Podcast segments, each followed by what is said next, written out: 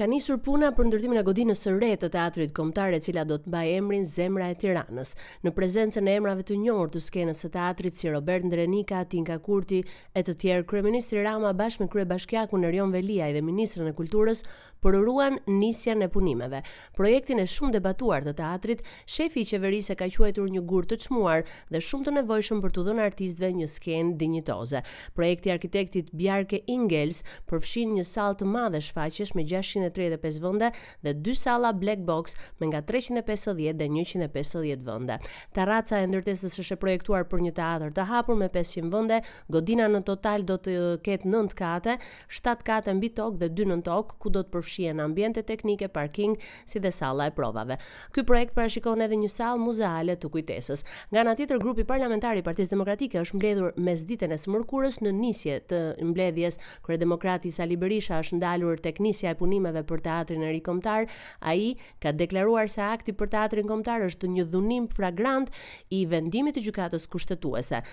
Në mbledhjen e kryesisë së PD-së, Berisha ka paralajmëruar kryetarin e Bashkisë së Tiranës, Erion Veliaj, duke i thënë se me këtë akt ai po nxit me të gjithë forcën përplasjen me qytetarët.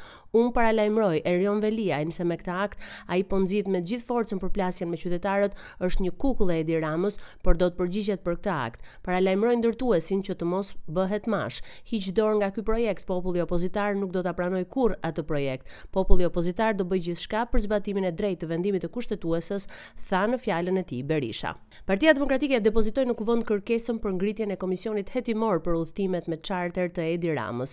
Selia Blu bën me dije se Komisioni Hetimor do të verifikojë ligjshmërinë e shpenzimeve dhe udhëtimeve me avion jashtë shtetit të kryeministrit Edi Rama nga data dhjetë shtatori dy mijë e trembëdhjetë deri në datë tridhjetë e një tetor të dy mijë e njëzet e dyshit. Sipas PD-së, kryeministri rezulton të ketë udhëtuar njëqind e tridhjetë e shtatë herë jashtë shtetit me çarter. Pak kohë më parë, opozita denoncoi edhe udhëtimet e kreut të qeverisë, të cilin e akuzoi se ka shpërdoruar fondet dhe paratë publike. Shqipëria dhe Greqia kanë shprehur edhe një herë vullnetin e përbashkët për të arritur kompromisin për çuarjen e çështjes së detit në Hagë. Kjo është konfirmuar edhe nga ministrja e Jashtme Olta Xhaçka dhe homologu i saj grek Nikos Dendias gjatë një deklarate për mediat të cilën e patën gjatë takimit që zhvilluan në Tiranë. Gjithashtu palët diskutuan edhe për një sërë çështjesh të tjera të pazgjidhura mes tyre, përfshirë edhe ligjin e luftës. Pjesë e diskutimeve të takimit dypalësh ka qenë situata në rajon dhe në veçanti ajo në veri të Kosovës. Pas takimit të parë teknik mes dy grupeve të punës për çështjen e pensioneve, dy ministrat kanë rënë dakord për thellimin e bashkëpunimit në këtë fushë, si dhe në atë ekonomike. Është firmosur sot marrëveshja mes Shqipërisë dhe Turqisë për blerjen e dronëve Bayraktar nga kompania turke e teknologjisë. Në konferencën e përbashkët me ministrin e Mbrojtjes Niko Peleshi dhe drejtuesin ekzekutiv të kompanisë turke, Rama u shpreh se përveç teknologjisë së lartë në Shqipëri, po ndërtohet një fushë e re njohurish. Duke falënderuar presidentin turk Erdogan, Kreu i qeverisë theksoi se ky bashkëpunim është një tjetër urë lidhëse për të forcuar partneritetin mes dy shteteve. Qeveria shqiptare ka firmosur marrëveshjen për blerjen e dronëve luftarakë pa pilot Bayraktar.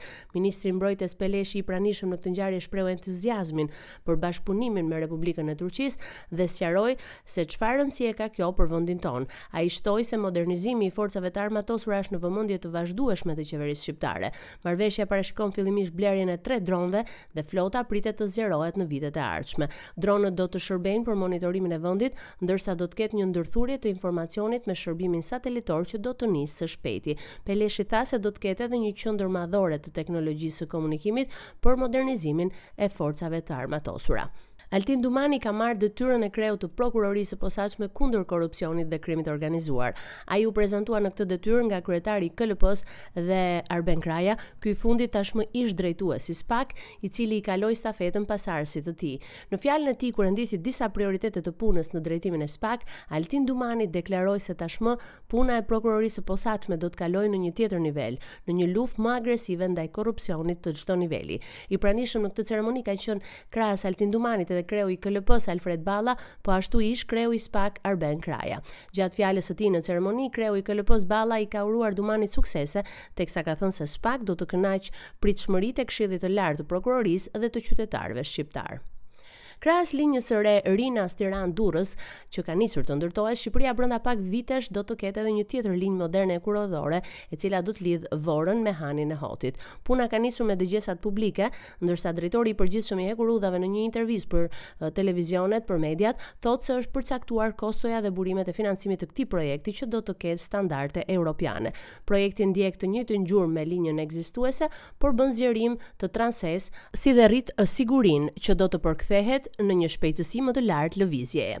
Linja hekurudhore Vorë-Hani i Hotit do të shërbejë për transportin e udhëtarëve dhe mallrave, Stacionet do të jenë po në të njëjtat vende, 74 do të jenë ndalesat e autorizuara përgjatë linjës hekurudhore Vorë-Hani i Hotit, të gjitha të tjerat do të mbyllen. Raportoi nga Tirana për Radio SBS Gerta Heta.